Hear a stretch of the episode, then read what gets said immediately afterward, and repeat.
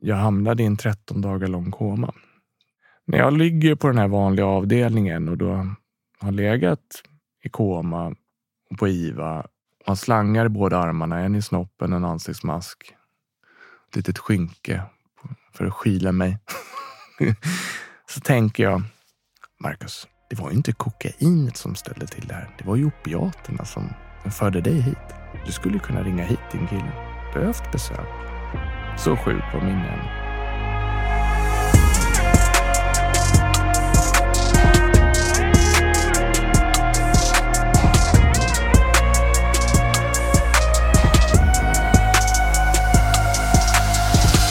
Ja, det är onsdag igen och jag vill önska alla där ute varmt välkomna till ännu ett avsnitt av Hedén med Boman och Granander, en beroendepodd. Mitt namn är Nemo Hedén och eh, ja, jag sitter här varje onsdag och försöker krossa tabun kring beroende, försöker hjälpa människor på det sätt jag kan och försöker sprida kunskap om beroende och medberoende. Ibland sitter jag här med mina vänner från The House Rehab, Robert och Felix och ibland sitter jag här med en gäst. Och idag är det det sist nämnda när jag har fått sällskap av en vän från tolvstegsvärlden.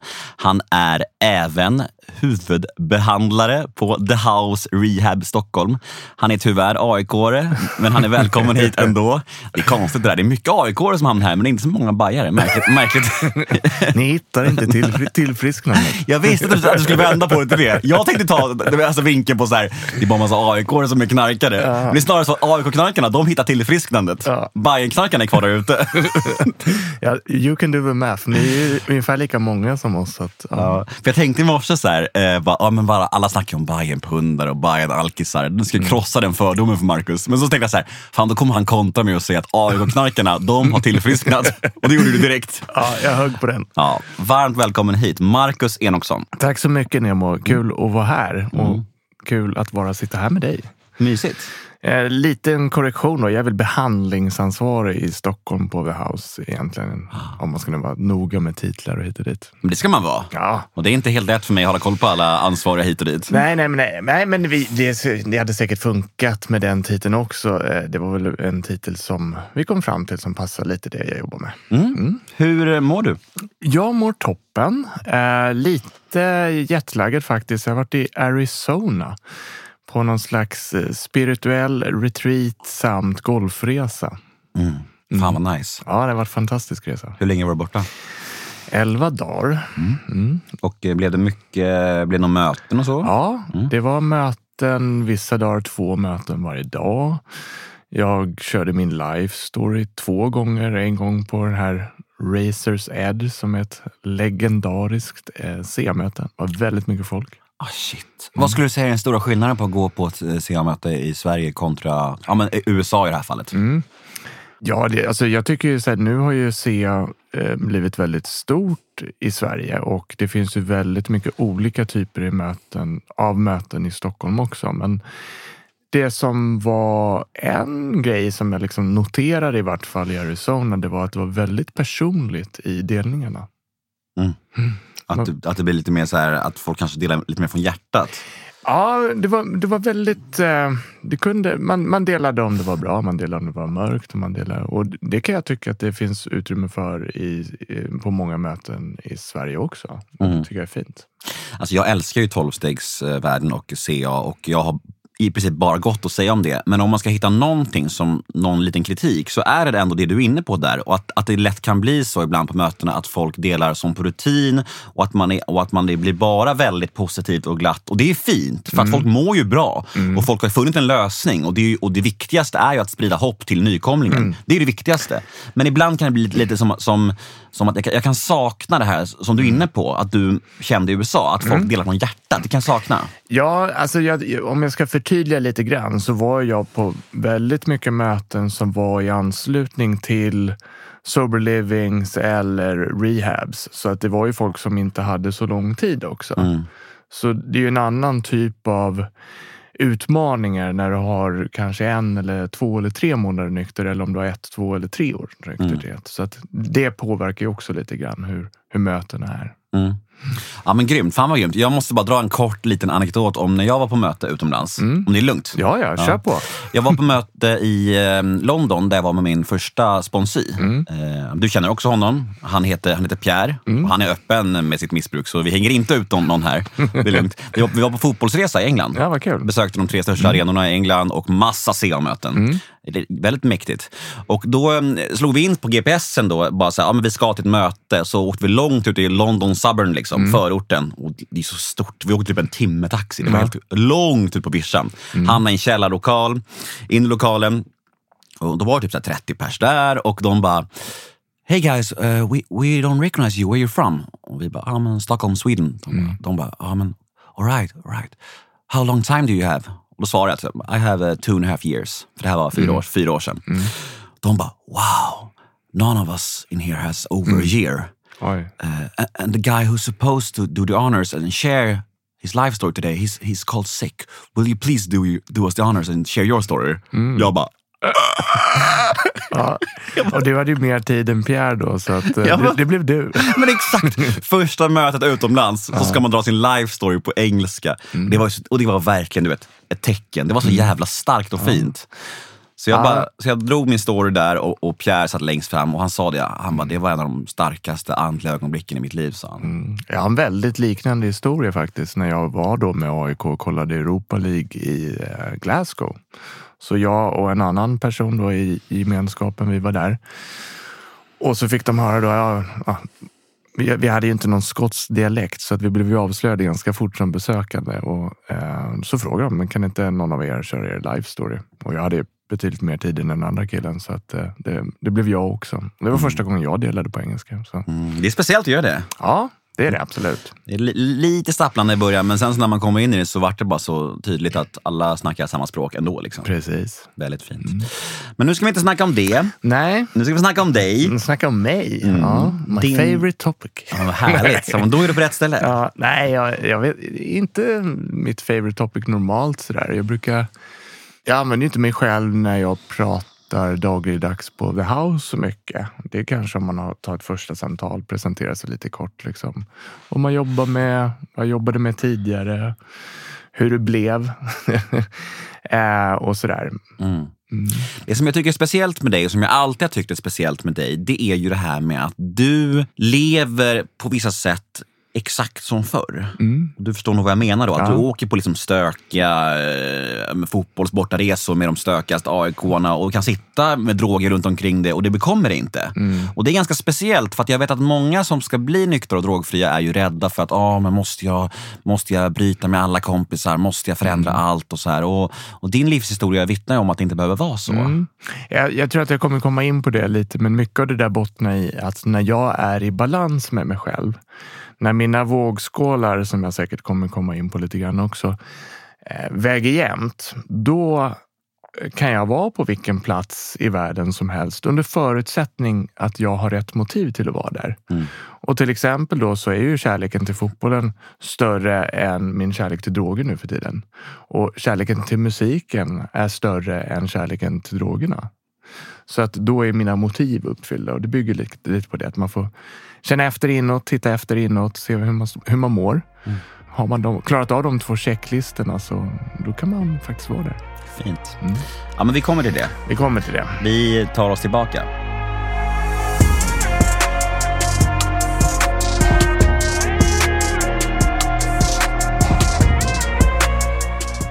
Jag är född i Rotebro. Bott lite runt om i Sverige. Eh, I olika platser, olika delar i Stockholm, olika delar i, i Sverige faktiskt lite grann också. Jag hade nog en ganska stark övertygelse om att jag inte ville testa droger och alkohol eh, så mycket. Hade ju sett eh, på nära håll eh, när jag växte upp. Eh, min pappa är ju nykter alkoholist och narkoman också idag. Eh, Sen hur många år? Får man fråga det? Ja, nu är han nykter sedan två och ett halvt år tillbaka. Okej, han blev nykter efter dig alltså. Ja, precis. Vad fint. Mm. Mm.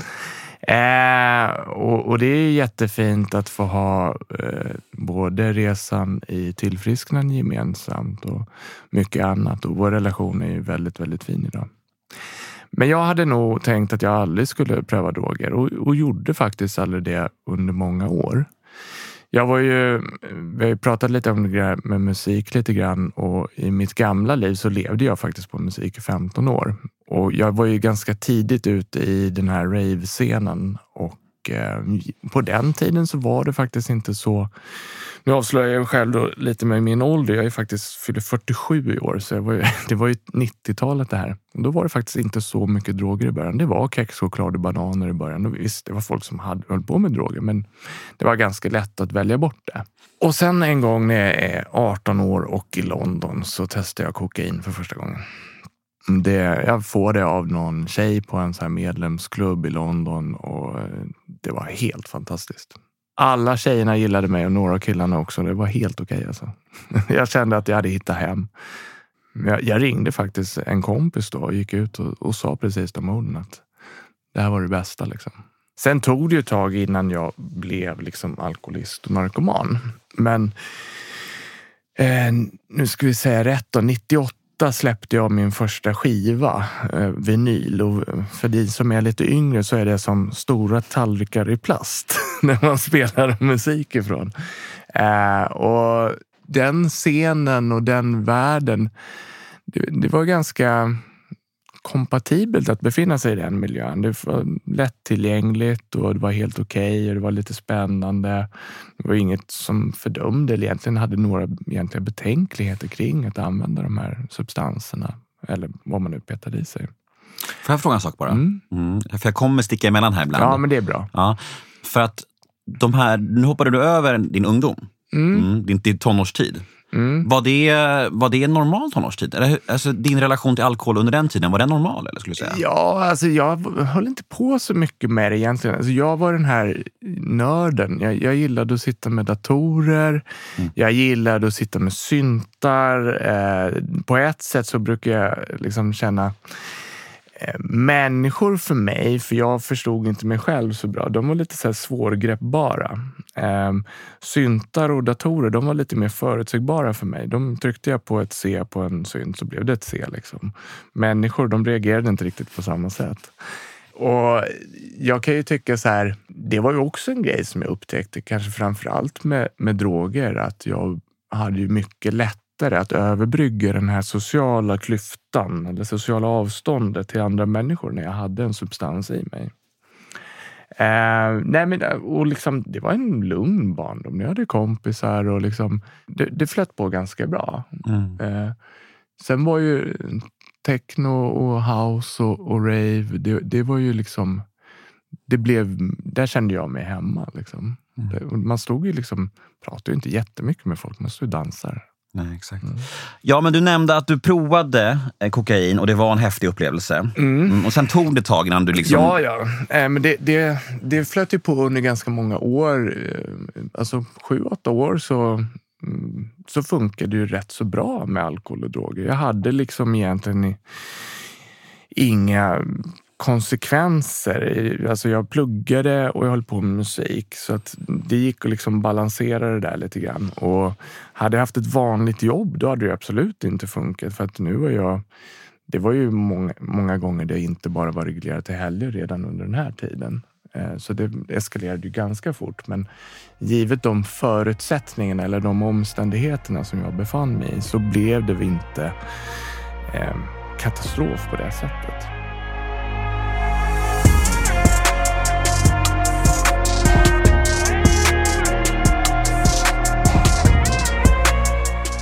Nej, men alkohol och droger funkade ganska bra för mig i sju, åtta år. Men eh, om man ska liksom snabbspola och ge möjlighet att koppla tillbaka så höll jag ju på i tolv år till. Eh, och då var det ju med eh, ganska stora konsekvenser som jag blev ganska duktig på att rationalisera i det här liksom det ganska långsamma till en början förfallet utåt. Att varje så här omständighet eller varje grej som hände, det, det, kunde jag liksom hitta på en förklaring till eller rationalisera. Att det ändå var kanske till och med till nytta. Jag började missa spelningar. Jag började missa flighter. Jag började bete mig som en idiot lite grann med lite divalater och göra mig ganska impopulär bland bokare. Och när jag upptäckte då att eh, man inte längre hade lika mycket spelningar så tyckte jag så här, men jag har ju lite mer tid att sitta i studion.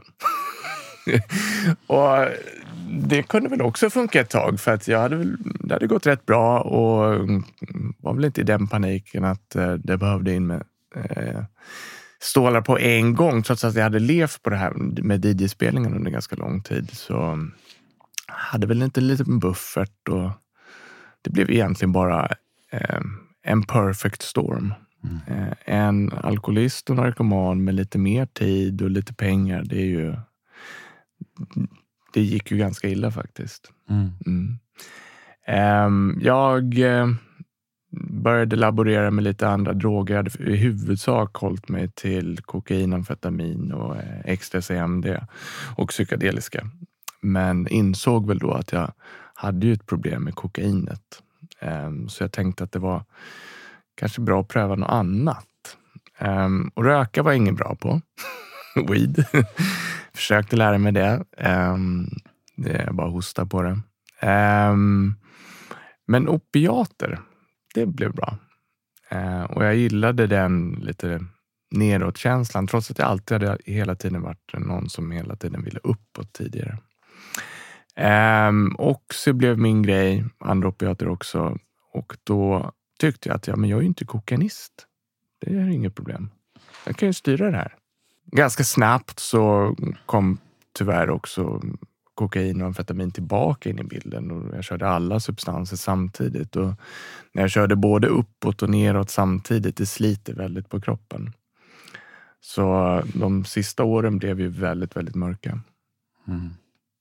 Hur kunde en, en, sån, eh, en sån vecka se ut? Giggade du då parallellt eller var det mest att du hängde i studion? Mm, det var mest studion och det var ju knappt att det tog mig dit. Det här, den låg ju i Hammarby sjöstad då. Och ta sig dit kommunalt eller... Eh, ja, det är vett nog att ha sålt bilen. Eh, för den har jag snortat upp. men nej, men det krävdes ju att hitta någon slags balans av alkohol och droger för att kunna ta sig till studion. Mm. Att ens gå utanför dörren. Så det var ju de sista åren. Jag hade ju inte en nykter dag. Nej.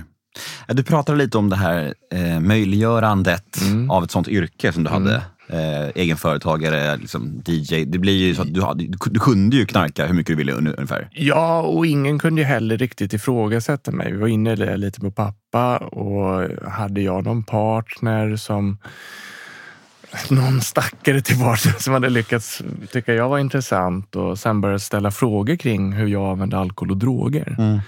Då pekade jag på dörren och hoppades liksom, hoppas du stänger dörren fort. Liksom. Ja. Det var min nästa fråga faktiskt. Ja. Det här, hur såg din umgängeskrets ut sista åren? Var det folk som sa ifrån mycket? Nej, det var ingen som sa ifrån. De allra flesta använde ju alkohol och droger på ett problematiskt sätt.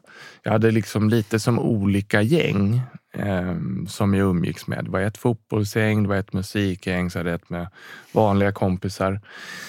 Eh, och jag gick runt på de där tre och sen så var det ju faktiskt väldigt mycket alkohol och droger som jag satt själv och tog. Mm. Um, det var att använda min egna takt utan att någon liksom ställde frågor. Och ibland vill man ha sällskap som man sen kunde skicka iväg lika snabbt. Mm. Försökte du sluta någon gång innan den riktiga, riktiga kraschen? Alltså jag hade väl tafatta försök som sträckte sig från när jag vaknade till kanske 10-11. Idag ska det ske. Eh, men jag insåg, alltså jag insåg ju länge att jag var alkoholist och narkoman. Men jag såg egentligen inget så, inte så stort problem av det. Folk i min närhet hade levt länge med alkohol och droger. Jag såg andra som hade levt länge med alkohol och droger. Det var inte så problematiskt. Ehm, jag... Eh, och i takt också då med att jag själv detonerade min karriär och började ställa mig frågan, vem är jag om jag inte är den här musikkillen? Då hade jag inte så mycket kvar. Men jag var ju rätt bra på att ta droger och det blev nästan min identitet. Mm. Jag är den här killen som festar hårt, som inte viker in hovarna, som kör på. Det var det enda jag var bra på till slut. Och det var en rätt deppig inställning. Men jag var en autentisk knarkare på det sättet. Mm. Fan, jag känner igen mig mycket. Alltså. Mm. Det där man bara liksom ger upp allt annat och bara så här, skapar sig någon slags identitet som bara knarkaren till slut. Liksom. Ja. Det är ju rätt knäppt. Och när man ändå är i det, då reflekterar man knappt över hur knäppt det är. Nej. Nej, men för mig var det det, var det enda normala Ja. där och då. Ja. Eh, Det var det jag var bra på och det var det jag exakt. värdesatte. Jag är bara bra på att vara värst. Mm. Men eh, och, och om man tar efter det, bara kopplar in lite, då, lite snabbt. Många av de klienterna som vi får in på jobbet, Mm. de har haft ett skifte i sina liv. Ett stort skifte. Det kan vara en idrottskarriär som tar slut. Man kanske pensionerar sig. Man kanske gör en exit. Hem, hemmafrun vars barn kanske flyttar hemifrån. Det skapar också den här perfect storm. Lite mer tid, kanske lite mer stålar. Och vem är jag om jag Mm. inte är den här personen? Där man har byggt, man har en väldigt stark koppling mellan identitet och jobb. Mm. Och den är rätt så problematisk, ser jag på jobbet. Det är Mm. inte alltid så, men det är ganska vanligt. Nej men precis, det är nog ingen slump att en historia i Stora boken handlar just om det. Mm. När hans, han, arbets, affärsmannen som eh, jobbar hårt under 20 år och håller sig nykter, sen när han går i pension så super han ihjäl sig på fyra år. Mm. Liksom. Det, Ja, ja. det är ju exakt så. Det där fönstret, liksom, sen när man tappar sitt sammanhang, en relation, ett jobb eller någonting. Det är ett livsfarligt fönster för en missbrukare. Och, och jag tror att det är ganska viktigt då även i sitt tillfrisknande. Att man börjar upptäcka, men vad skänker mig mening, innehåll och, och eh, liksom, vad, vad är stimulerande för Mm. mig? Vad tycker jag är viktigt? Verkligen. Och mm, att man inte heller går tillbaka till den fällan och definierar sig bara utifrån eh, ens yrke eller ens identitet på det sättet. Verkligen. Och just det där som du nämner, det här med att hitta sammanhang och hitta saker i sin nykterhet. Det var någonting som var nästan avgörande för mig. Att när jag blev nykter så behövde jag liksom fylla, fylla livet med saker som gynnas av min nykterhet. Mm. Så var- jag tog upp innebandyn igen, för jag vill inte vara bakis när jag lär innebandy. Liksom, och bara proppa in det i livet liksom, för att göra det enklare för mig. Ja. Vi, eller jag har ju etablerat ett begrepp för det här som jag kallar livssafari. Och vi jobbar med det mm, på jobbet som, som en uppgift. att ehm, alltså När man lever i ett missbruk så blir livet ganska kompatibelt med just missbruket. Aktiviteter som inte passar så bra med att vara full och hög faller ifrån. Vänner som inte använder på ett liknande sätt faller ifrån. Och när man läker ut ur den här liksom akuta fasen av sitt eh, missbruk och är, är liksom inte har den här dagliga kampen kring att använda eller inte använda så behöver man börja liksom titta på vad jag ska peta in i det här vakuumet som blir efter. Alltså, det kanske behöver vara någonting som tar fem minuter att göra för att hantera ett sug. Någonting som tar eh, ett liv att bemästra, någonting man gör ute, någonting man gör inne, någonting som är kulturellt. Det kanske är någon motionsform. Det kanske är, ja, det är många olika saker och förmodligen mer än en sak. Det är en, alltså en hel människa, eh, en läkt människa, är betydligt mer mångfacetterad än just att det inte räcker med bara långdistanslöpning. Mm. Utan det behöver vara en mix lite grann. Mm. Och då får man göra en lista första veckan. Liksom så här, det här är aktiviteter som jag kan testa, som jag tycker verkar spännande, eller göra som jag velat göra. Några kanske är från förr, det kanske är några nya. Varje vecka skriver man upp tre till och sen så testar man en en vecka så man kommer till ett agerande också. Mm. Och då får man då pröva sig fram till man hittar sitt. Jag gick på opera, det var helt värdelöst, jag hatade det. Eh, gick på teater, har inte varit på sen skolteatern och älskade det. Mm. Eh, hitta tillbaka till golfen, testa massa olika sporter, fastna för squash. Liksom, det blev delar av min mix som gör mitt liv innehållsrikt. Vad fint, för det är Mm. exakt det här har jag tänkt mycket på. Och att ni jobbar aktivt med det och att det är ett begrepp för det här som du har myntat, Mm. Ja, det ja. gör mig väldigt glad. Vi har en uppgift för det, som Ja. heter livssafari. Vad härligt att höra. För det är någonting som jag tycker är superviktigt. Mm. Det är alltså. oerhört viktigt, för får vi för tråkigt så kommer vi börja använda det igen. Ja, exakt. Alltså, en alkoholist och narkoman använder sin substans för att de gillar effekten det har med sig. Det kan ju vara tusen olika skäl. Man vill kunna sova, man vill kunna festa, man vill kunna vara mindre full, man vill kunna slippa tänka på sina problem, man vill kunna X, Y eller Z. Men två, aktivit- två effekter som de allra flesta söker, det är att få tiden att gå och för att ha kul. Mm. Så per definition så lever vi för tråkiga liv. Alltså vi är understimulerade när vi lever i ett missbruk. Mm. Ja, det, ja, det är fan Mm. så. Och det där är så intressant, för ju- just det här med att det är ju många som, som är rädda för just det här tråkiga, ny, nykterheten och så. Och, och, och det är så här, det blir ju bara väldigt, väldigt annorlunda. Och precis som du säger, man får testa sig fram. Mm. Det är verkligen så. Plocka upp lite gamla saker, absolut, men också nya grejer. Och, alltså, jag tror både du och jag är människor som skulle bli galna av att ha tråkigt. Liksom. Mm. Det är värsta Ja, jag vet. Ja, men det är, alltså, jag, jag tror i och för sig att människan behöver träna sig lite grann att ha tråkigt. För att annars kan man komma in i det här problemet att man hela tiden flyr från sig själv. Just det. Mm, ja, där, där kan jag vara ibland, ja. Ja. Mm. Och, och där, där kommer vi kanske kunna komma in lite grann på det här med mindfulness och meditation som är en stor grej i mitt liv. Men Och du får lära mig mycket om det sen då. mm, det kan vi ta sen.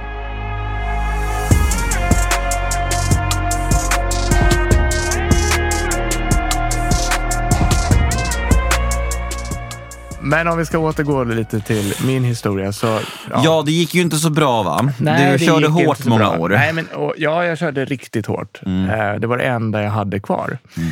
Jag insåg faktiskt, eh, och på ett sätt välkomnade, att jag kommer dö om jag fortsätter. Och det känns ju helt sjukt att säga det idag. Men så var det. Eh, de drogerna jag tog, hur jag tog det, hur jag blandade, så visste jag att det var med livet som insats. Nu dog inte jag, utan jag hamnade i en 13 dagar lång koma. Och jag hade ganska lång tid på sjukhus efter det också. Ehm, jag var på IVA ytterligare några dagar, sen upp på en vanlig avdelning någon månad. Fick lära mig gå, fick lära mig snacka och ställdes inför ett ultimatum att de skulle lägga ett LVM på mig eller skaffa mig en behandling. Och Eh, då tänkte jag att det är ju behandling, det är 28 dagar. Det är bättre än sex månader.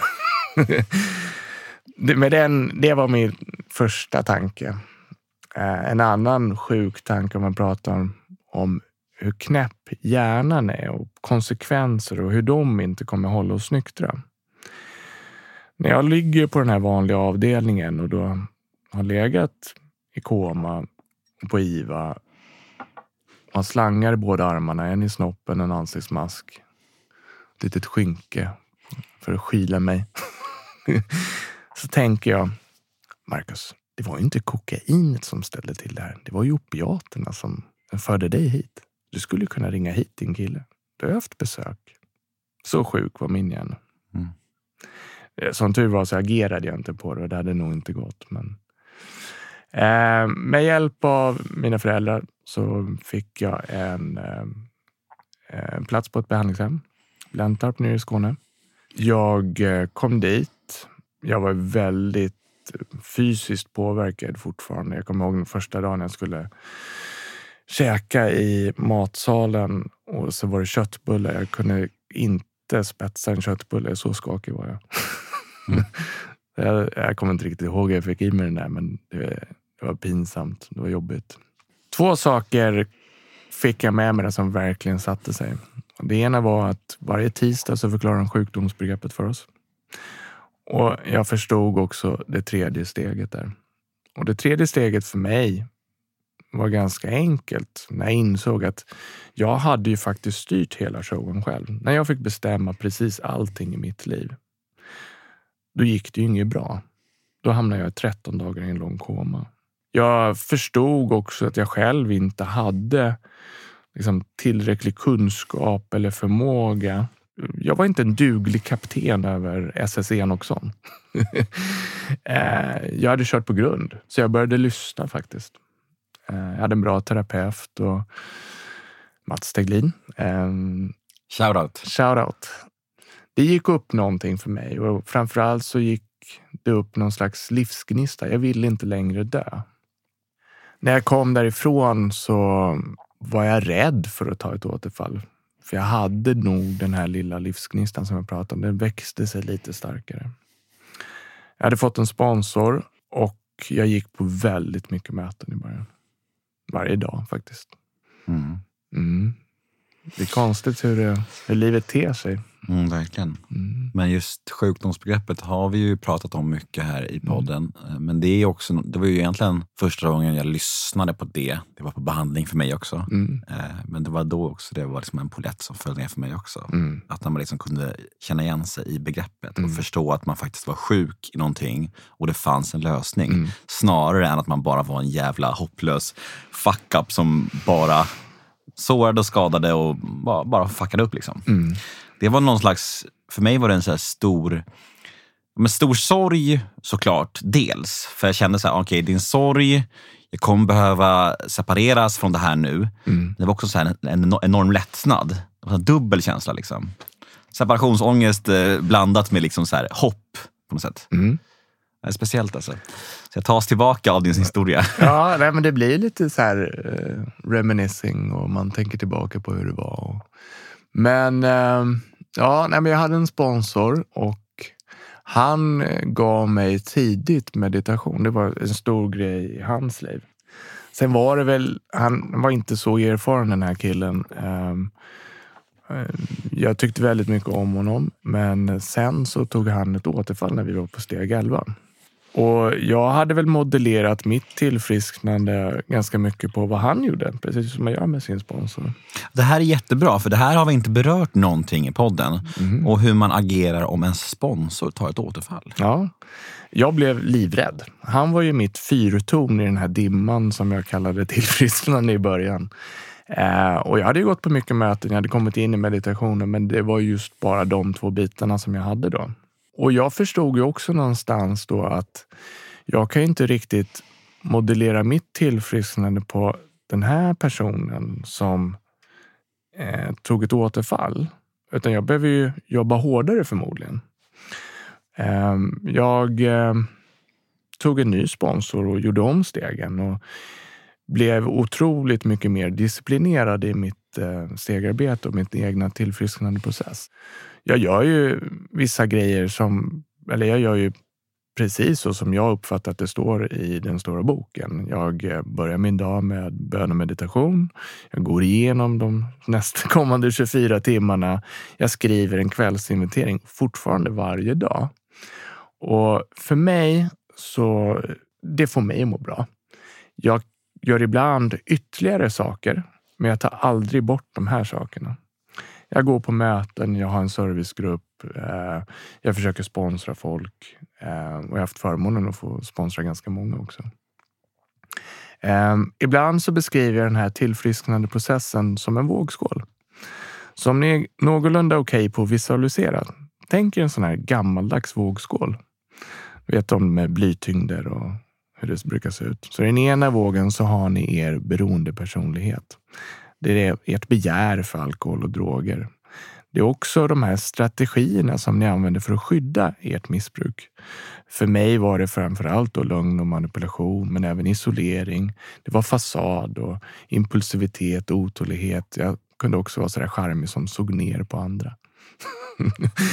Eh, Man har de här inre tankemönstren, rationaliseringar, självömkan, romantiseringar. Och i den andra vågskålen så har vi då verktyg för tillfrisknande.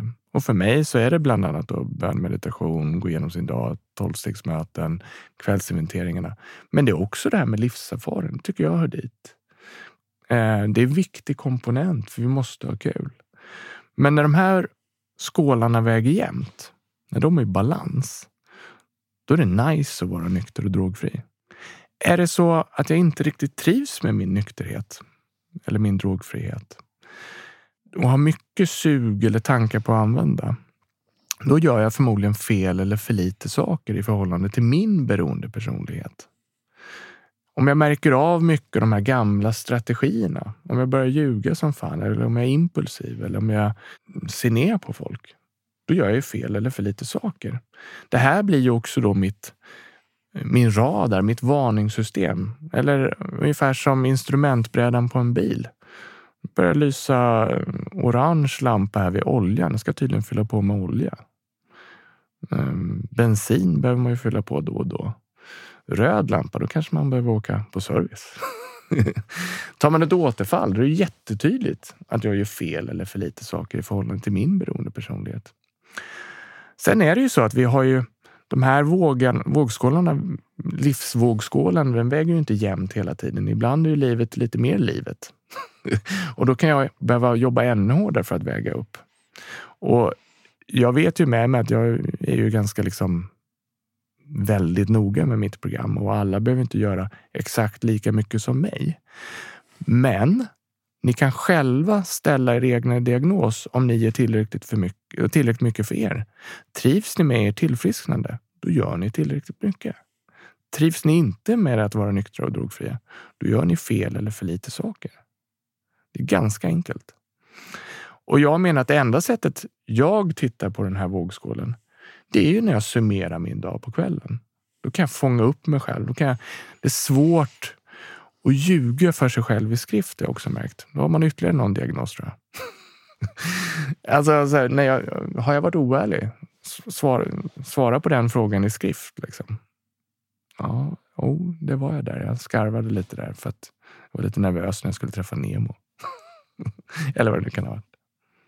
Men eh, så att det här tycker jag är ett otroligt viktigt verktyg just när med en, en summering, någon slags reflektion av hur vi lever våra liv. Du säger i förhållande till din beroendepersonlighet. Ja. Ja. Alltså att du, att du menar på att det är olika för olika människor? Ja, det tror jag. Jag tror att eh, vissa personer är ju nyktra och eh, trivs med sin nykterhet och gör inte alls lika mycket så som jag. Men jag vet ju och med mig att jag har gjort så här mycket och jag mår bra utav det. Det är en ganska liten arbetsinsats det jag gör i förhållande till hur mycket det kostade mig att leva i missbruk under alla de här åren. Så för mig, eh, jag vet ju inte egentligen vilka av de här grejerna jag gör som funkar. så jag vågar inte riktigt ta bort någon av dem. Och det finns ju de som har som får mitt missbruk och ser ut som någon söndagsskola. Och det finns de som där jag mm, lever någon slags, kommer från någon fullkomlig misär i förhållande till någon annan. Och där, lite beroende på hur, hur sjuka vi har varit, så tror jag också att det på, avspeglar sig lite hur hårt vi behöver jobba för att komma tillbaka på banan. Och I början så tror jag att de allra flesta behöver jobba riktigt hårt för att komma tillbaka upp ur diket. Liksom.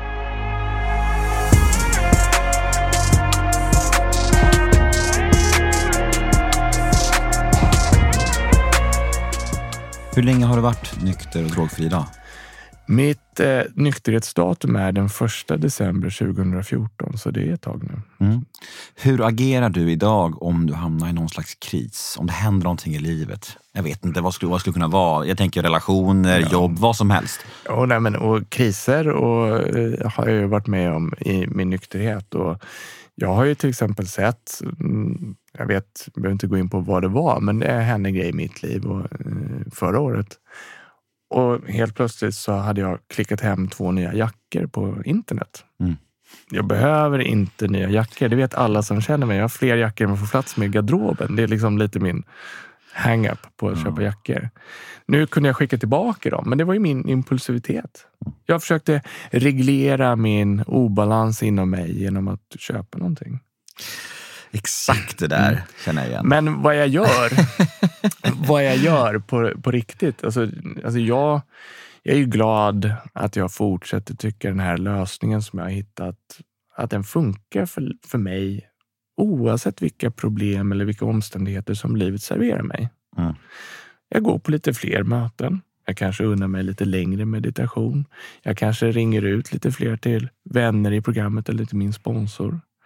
Ehm, jag kan använda mer av de här verktygen för att få de här vågskålarna i balans igen. Mm. Så jag gör inte nya saker, jag, bara gör, jag gör mer utav det. Men kommer det naturligt till dig när du mår dåligt eller, eller kommer det oftast för att, att din sponsor säger det till dig? Nej, jag, är, jag får nog säga att jag är ganska duktig på att fånga upp mig själv. I och med mm. att jag dessutom skriver den här kvällsinventeringen varje dag. Men min sponsor och jag, vi har ju faktiskt väldigt nära kontakt och han har faktiskt gjort mig till gudfar till hans barn. Så vi hörs ju liksom flera gånger i veckan. Fint. Ja, det är jättefint.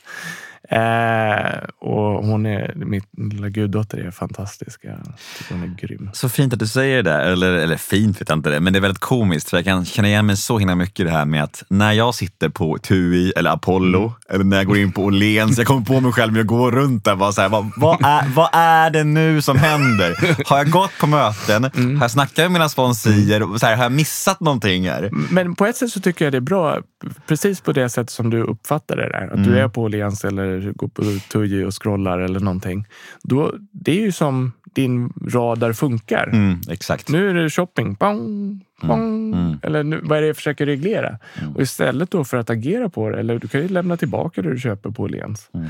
Så kan jag sen då gå på ett möte eller ringa till någon eller sätta mig och meditera. Mm. Men samtidigt tycker jag ändå att man inte liksom ska bli för hardcore där på- åt andra hållet. För att det, det, man måste ju också kunna liksom få unna sig saker Ja, också. såklart. För att- Absolut. För jag dejtade en tjej för ett tag sedan som, som tyckte allt yttre var flykt. Mm. Och då blev jag så här, men vad fan, jag måste kunna göra någonting kul och härligt i livet utan Mm. att det ska vara någon destruktiv flykt. Ja, nej men och jag, en, en bra grej man kan göra det är ju att ge sig själv lite tid. Så här. Ja, visst, nu har jag sett de här nya hörlurarna till exempel. Mm. Ja, men jag behöver inte köpa dem idag, jag kan köpa dem imorgon. Mm. Så det är en ganska bra sätt att kolla vad det är för motiv till varför Mm, vi gör någonting. Bra. Det handlar ju ofta väldigt mycket, allt vi gör handlar om motiven. Mm. Och om vi då analyserar varför vi gör, varför vi ska på en plats, eller varför vi agerar på sånt som vi gör, då kan vi faktiskt också få svaret på om det är bra för oss eller inte. Det där är en bra grej att ta med sig. Det är ett bra tips också till lyssnare som kanske känner igen sig. Det här med att om man har det här att man vill, vill ha någonting yttre, chilla med några dagar och, och, och se om det begäret finns kvar. Mm. Äv- Även efter ni har gått på lite möten och så. Mm. Det är skitbra. Ja, nej, men jag tycker det är vettigt. Mm. Bra liten lifehack. Ska vi snacka lite om eh, ditt yrke då? Ja, men det kan vi göra. Eh, och eh, du träffar ju väldigt mycket människor i, eh, i ditt jobb som behandlare. Mm. Och eh, jag har lite frågor om det. Mm. Supernyfiken på det. Men det, här med, det pratas väldigt mycket om det här med, med trauman och bakomliggande faktorer och sånt just nu. Mm. Gällande beroendesjukdomen och så. Ja. Din bild av det, eh, är det övergripande så att människor ni behandlar har trauman och så? Eller är, är, det, även, är det lika mycket folk som bara har liksom knarkat och supt sig till ett beroende? Alltså, mm, det finns många alkoholister och narkomaner som inte har trauma. Jag skulle säga att jag inte är så traumatiserad trots att jag växte upp med min pappa då, som eh, var alkoholist och narkoman under större delen av min uppväxttid. Det finns personer som kommer med en tydlig idé om varför de blev alkoholister och narkomaner. Ofta är det de här som har det här skiftet till exempel. De kan göra en koppling till Eh, ja, men jag eh, slutade jobba, fick mer tid, kände mig vilsen, hade lite stålar översatt och söp och sen blev jag alkoholist. Det finns, de är ganska, sen har vi de som kanske kommer på under behandlingens gång. Ja, men det här kan nog ha någonting med det här att göra. Och sen har vi de som är ungefär lika clueless när de kom som när de går till varför det blev som det blev. Men alla de här tre kategorierna eller den här fjärde kategorin med skiftena, de kan också vara nyktra. För att det handlar egentligen, återigen om den här vågskålen. Använder de tillräckligt mycket verktyg så kommer de också vara nyktra. Motiven till varför vi använder de här verktygen är precis lika blinda som alkoholen och drogerna är till varför vi använder dem. Vi blir fulla och höga om vi, använder, om vi använder alkohol och droger och vi blir nyktra om vi använder tillräckligt mycket verktyg i förhållande till vår beroendepersonlighet. Så, och, och det jag kan säga, alltså jag har ju ingen statistik på det alls, men en, jag kan nog tycka att många av våra yngre klienter, de hamnar ju ofta rätt så illa. Det går ganska fort ut för nu nu. Många klienter som vi har som är under 25 och då hinner det bli ganska knepigt ändå. Och då finns det ofta någon utlösande faktor. Liksom. Men det är ju inte alla. Dricker man tillräckligt mycket blir man alkoholist. Tar man tillräckligt mycket droger blir man narkoman. Alla har en gräns. Och när man väl har passerat den här och utvecklat den här fysiska allergin till det hela, då kan, visar egentligen all forskning, att man inte kan komma tillbaka till ett vettigt förhållande till alkohol och droger. Har man inte utvecklat den här fysiska biten, då finns det faktiskt forskning som visar att det går att komma tillbaka till ett vettigt förhållande till alkohol och droger. Mm. Ja, precis. Jag tror det var My Skarsgård som pratade ganska klokt om just det där med att eh, varför vissa blir det så enkelt och medan vissa måste liksom kämpa sig Mm. till... Put your back into it, sir. Exakt! Kämpa sig till att bli alkoholist narkoman. Ja. Och det handlar ju om så mycket, hundra olika aspekter. Ja, men genetik och sociala Mm. sammanhang och så här. Jag tror du lät som att säga någonting.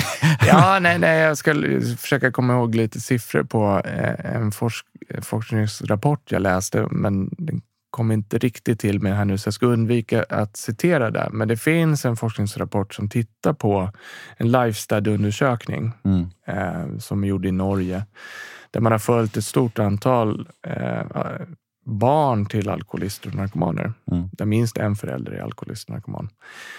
Och då visar man då på att en eh, ganska förhöjd risk att utveckla eget beroende eller andra beteendestörningar om man har då en förälder som är alkoholist och narkoman. Sen kan ju inte den undersökningen visa på om det är genetiskt eller sociokulturellt, men det visar då på att man har, och det stamma, sambandet är statistiskt säkerställt. Mm.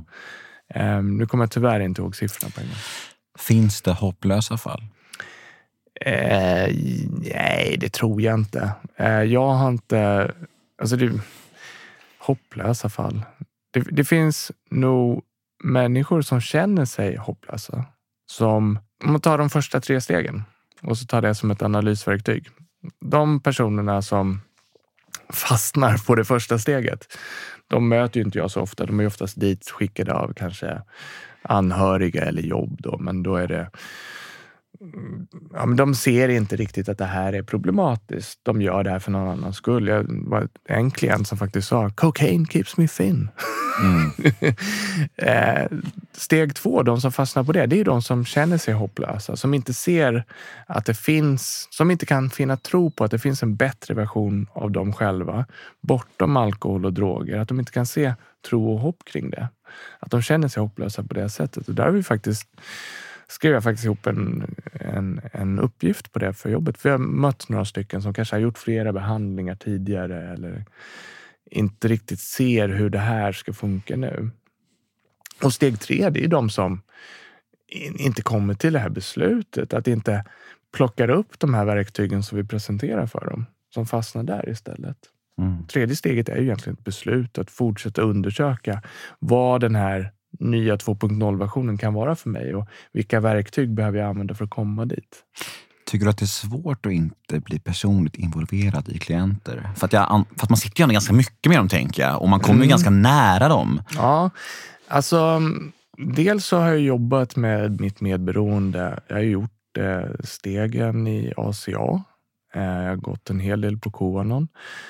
Sen min första arbetsplats eh, i beroendesvängen var ju på eh, Rebecca Ira, eh, ett LVM-hem.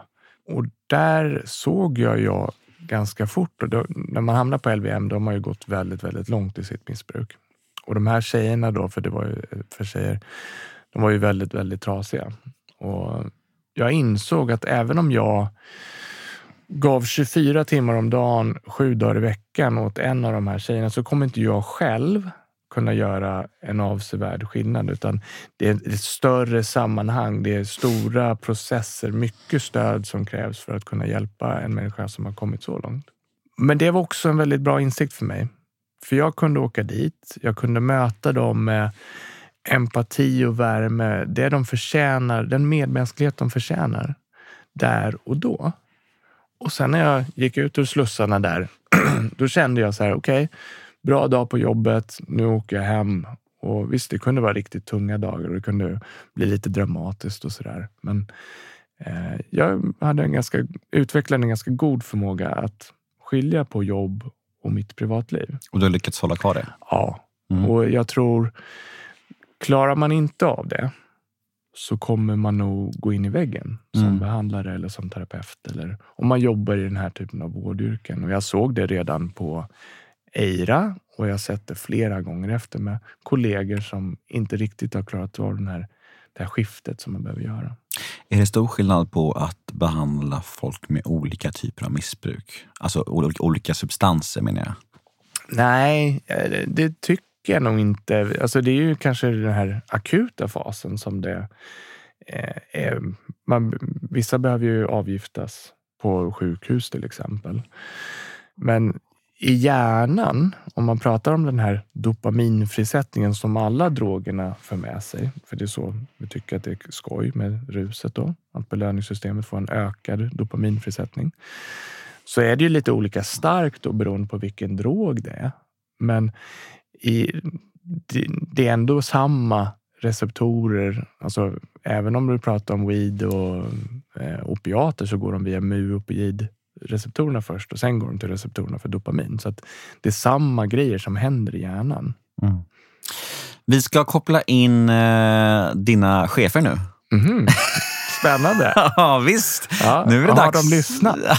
visst, här är de. Nu kommer de. ja, eh, nej, vi ska köra veckans lyssnarfråga i segmentet som heter The House svarar.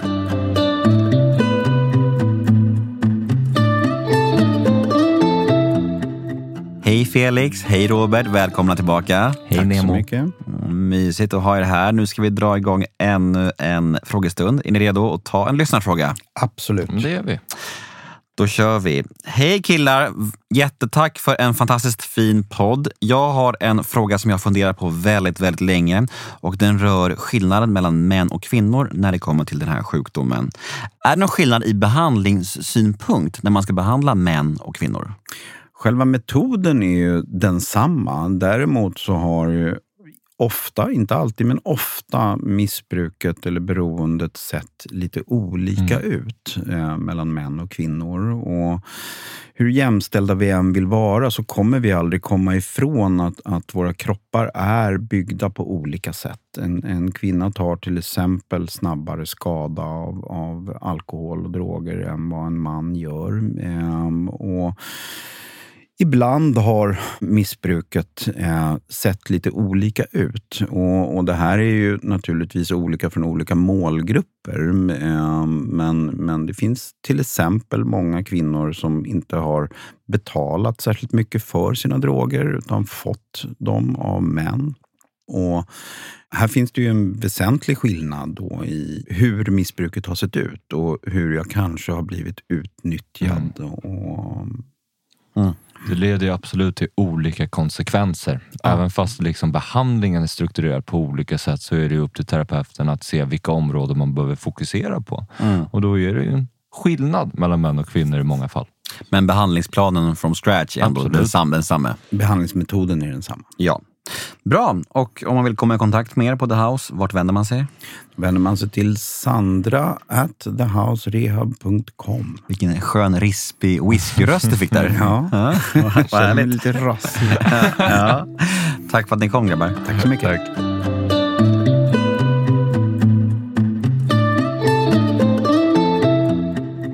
Tack Felix, tack Robert och tack du som skickade lyssnarfrågan. Det var en klok fråga den här veckan och jag hoppas du är nöjd över vårt svar. Här ska vi knyta ihop ännu en säck. Jag sitter här med Marcus Enoksson som är eh, behandlare på... Behandlingsansvarig. Behandlingsansvarig, inte huvudbehandlare. Det är inte lätt för mig det här. Men det jag vet är att han är det på The House Rehab i Stockholm. Mm. Mm. Ja, men eh, vi berörde ju det lite grann i början och jag tyckte din frågeställning som du tog upp med att man inte behöver säga nej till livet när man är nykter. Det skulle vi kunna prata lite mer om, för jag mm. tycker att det här var viktigt. När jag mot slutet av mitt missbruk och liksom kände den här hopplösheten för hur livet skulle te sig. Jag visste ju ändå om människor som hade blivit nyktra. Jag hade en tjejkompis med ganska många års nykterhet. Och visste ju om att det fanns att folk blev nyktra, men jag såg inte hur livet skulle kunna bli kul eller meningsfullt eller stimulerande. Och jag trodde att jag skulle behöva välja bort väldigt många saker. Um, och med tanke på att jag hade levt på och med musik i så många år så var det någonting som jag inte ville välja bort. Nu får man ju då kanske vara lite försiktig med sig själv den här första tiden i sitt tillfrisknande och bygga upp lite nykter tid innan man ger sig ut och kanske går på klubb eller rave och så vidare. Men det var någonting som var viktigt för mig att reclaima. Eh, dels så hade jag lite spelningar som kom. Jag var iväg på en festival redan första sommaren och spelade. Eh, jag hade gjort några småspelningar i Stockholm innan och jag hade prövat att vara ute på lokal. Eh, men jag hade också förbannat mig själv och min sjukdom många helger där jag känt att jag inte var i balans och inte kunde gå ut. Och jag tror att det är viktigt att vara ärlig och känna efter. Hur mår jag egentligen innan man testar på en sån här sak? Och ibland så kunde jag gå ut och liksom vara på en lokal och det kändes bra. Sen någon annan gång, så redan efter 30 minuter, så kändes det helt fel och då får man nog vara så pass ärlig med sig själv och liksom gitta hem. Och vi har ju tidigare lämnat både fester och tillställningar och aktiviteter för att gå hem och använda i vår egna takt, vilket då var mycket högre. Och vi kan absolut gå hem och lämna tillställningar aktiviteter och använda i vår egna takt, vilket nu är inte alls. Mm. Eh, och det är ingen som bryr sig. Ingen som bryr sig om man gör en French exit på, från en fest eller någon klubb eller sådär. Framförallt inte om det är av ett sånt här gott syfte, tänker jag. Mm. Nej, nej, men och, folk märker ju knappt. Nej, verkligen. De är för upptagna i sitt eget rus. Precis. Och fotbollen var en annan grej som jag kände var viktig för mig. Uh, och på ett sätt så blir det när jag finns i, i de här platserna där jag fanns tidigare, där folk kunde se att jag var och var riktigt väck. Och så sitter jag där nu med en kaffe på en bortabuss och så frågar de, fan man kan hur, hur gör du det här? Du var ju alltid så jävla väck. Eller någonting. Mm. Mm. Och bara för att få visa att livet, life as you know it, inte är slut bara för att jag har blivit nykter. Det är också en inspiration och faktiskt flera av mina gamla fotbollskompisar som har hittat in till värmen. Bara för att jag har funnits där som, en, som ett exempel på att livet inte är slut. Mm. Mm. Ja, det, det är den största gåvan i tillfrisknandet. Mm. Steg 12, att mm. föra budskapet vidare. Och det gör man ju liksom, ja, men du och jag här såklart, mm. men som du säger, bara genom att verka och vistas i samma sammanhang som man har hängt i. Liksom. Folk ser på en och märker, man behöver inte ens säga någonting. Nej, precis. Mm. Och igen då, motiven. Mm. Eh, och att känna efter att är jag i balans för att göra den här aktiviteten? Är jag i balans? Klarar jag verkligen av det här? För att det finns ingen anledning eller självändamål att göra våld på sig själv. Utan vi behöver vara lite försiktiga med oss själva också. Mm. Ja, men det är väl jättebra avslutningsord, för jag tänker att det är nog det som, det som många tänker. Så här, ja, men kommer mitt liv bli tomt, tråkigt, kommer jag aldrig kunna göra det och det och det? Mm. Visdomsorden är ju att ta det lugnt i början, var försiktig liksom, och, och försök att... Jag brukar säga till mina sponsorer att minimera riskerna. Mm. Liksom. Häng inte på de värsta klubbarna, häng inte med de stökigaste kompisarna. Mm. Om du vill hänga med dem sen, då kommer du kunna det. Mm. Men i början, i den här kritiska perioden, fokusera på det viktiga. Dig själv, och mm. din resa och din förändring. Det var en, eh, en kille i vår gemenskap som sa till mig en gång eh, eller nu ska jag korrigera. Han sa inte till mig. Han sa till en annan person som sen berättade till mig. Slapp du inventera ikväll? Ja. eh, eh, men jag kommer ihåg fel först. Men hur som helst, han sa så här. Sitter du hos frissan för länge så blir du till slut klippt. det är svinbra. Ja, ja det är svinbra. Mm. Ja. Så är det ju. Ja. Verkligen. Eh, så det är väl eh, verkligen kloka visdomsord att skicka med lyssnarna hem. Tack för att du kom hit. Tack för att jag fick komma. Mm, det var supertrevligt och eh, ja, om ni vill eh, snacka med Marcus in person, ja då är det bara att eh, söka behandling hos The House Rehab. Ja, eller hitta mig på ett C-möte. Så är det. Det funkar också bra. Mm. Jag är så tacksam över att ni lyssnar onsdag ut och onsdag in. Ni är fantastiska och eh, hoppas detta avsnitt har hjälpt några där ute. Så hörs vi igen nästa onsdag. Hej då! Ciao!